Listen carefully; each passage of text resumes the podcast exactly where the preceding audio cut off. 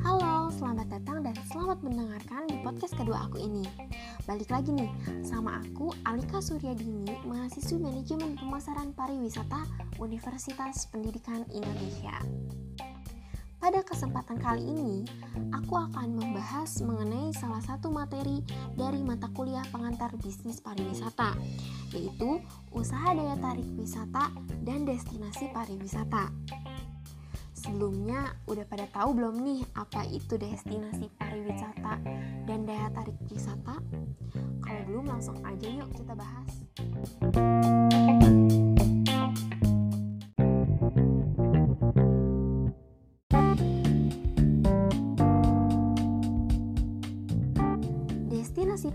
Pariwisata atau daerah tujuan wisata adalah kawasan geografis yang berada dalam satu atau lebih wilayah administratif yang di dalamnya terdapat daya tarik wisata, fasilitas umum, fasilitas pariwisata, aksesibilitas, dan masyarakat yang saling terkait dan melengkapi terwujudnya kepariwisataan.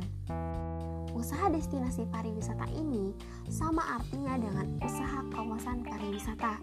Jadi untuk teman-teman gak perlu bingung karena kedua hal ini memiliki arti yang sama.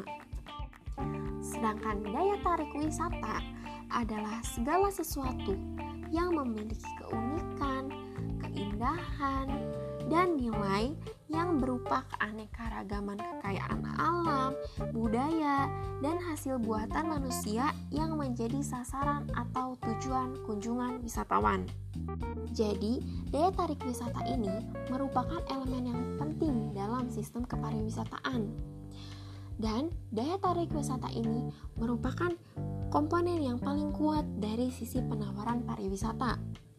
Jika pasar pariwisata merupakan permintaan yang menjadi faktor pendorong dalam pergerakan wisatawan, maka daya tarik wisata ini merupakan faktor penarik utama dalam sisi penawaran. Nah, setelah penjelasan mengenai destinasi dan daya tarik wisata tadi, mungkin teman-teman sudah mulai tercerahkan mengenai kedua hal tersebut. Pertanyaannya, jadi apa sih usaha destinasi pariwisata dan usaha daya tarik wisata itu? Jadi, usaha daya tarik wisata adalah usaha pengelolaan daya tarik wisata alam, budaya, dan atau daya tarik buatan atau binaan manusia. Sedangkan usaha kawasan pariwisata adalah usaha pembangunan dan atau pengelolaan kawasan untuk memenuhi kebutuhan pariwisata sesuai dengan peraturan perundang-undangan. Bidang usaha daya tarik wisata sendiri di Indonesia terdapat tujuh jenis usaha. Yang pertama, pengelolaan pemandian air panas alami Usaha ini menyediakan tempat dan fasilitas pemandian air panas dan atau hangat alami yang bersumber dari pegunungan di darat maupun tepi laut. Contohnya Sabda Alam Garut, Ciater Subang, dan lain-lain. Yang kedua, usaha pengelolaan goa.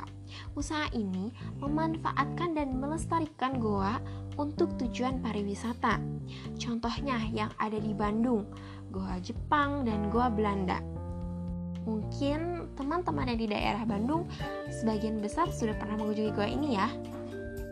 Yang ketiga, usaha peninggalan sejarah dan purbakala. Usaha ini menyediakan sarana dan prasarana dalam rangka kunjungan wisata ke situs cagar budaya dan atau kawasan cagar budaya dengan tetap memperhatikan aspek pelestarian. Yang keempat, usaha pengelolaan museum. Usaha ini menyediakan tempat dan fasilitas serta kegiatan pameran cagar budaya, benda seni, dan lainnya yang memiliki fungsi edukasi, rekreasi, dan riset untuk mendukung pengembangan pariwisata dengan tetap memperhatikan nilai pelestarian. Contoh museum yang ada di Bandung salah satunya Museum Geologi, Museum Pos, Museum Mandala Wangsit Siliwangi, dan lain-lain. Yang kelima, usaha pengelolaan pemukiman dan atau lingkungan adat. Usaha ini menyediakan tempat dan fasilitas untuk kegiatan kunjungan wisatawan ke kawasan budaya masyarakat tradisional atau non-tradisional. Contohnya, Kampung Naga, Desa Werebo, dan lain-lain. Yang keenam, usaha pengelolaan objek ziarah. Usaha ini menyediakan sarana dan prasarana kunjungan wisata ke tempat-tempat religi. Contohnya, makam dan museum Sunan Derajat. Yang ketujuh, usaha wisata agro. Usaha ini memanfaatkan dan mengembangkan pertanian yang dapat berupa tanaman pangan, perkebunan, peternakan, dan lain-lain. Contohnya, Subak di Bali, Villa Ternak Cikerai, dan Taman Bunga Cilegon. Semua jenis bidang usaha daya tarik wisata ini memiliki tujuan untuk memperoleh keuntungan.